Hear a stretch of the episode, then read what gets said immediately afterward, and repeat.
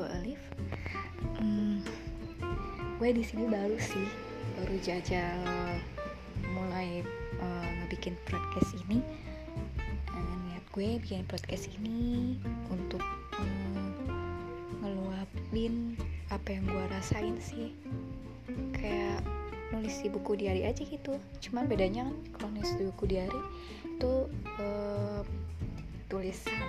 Kalau podcast kan suara gitu jadi itu aja sih ingin membagikan pengalaman-pengalaman uh, gue tentang seseorang yang gue suka.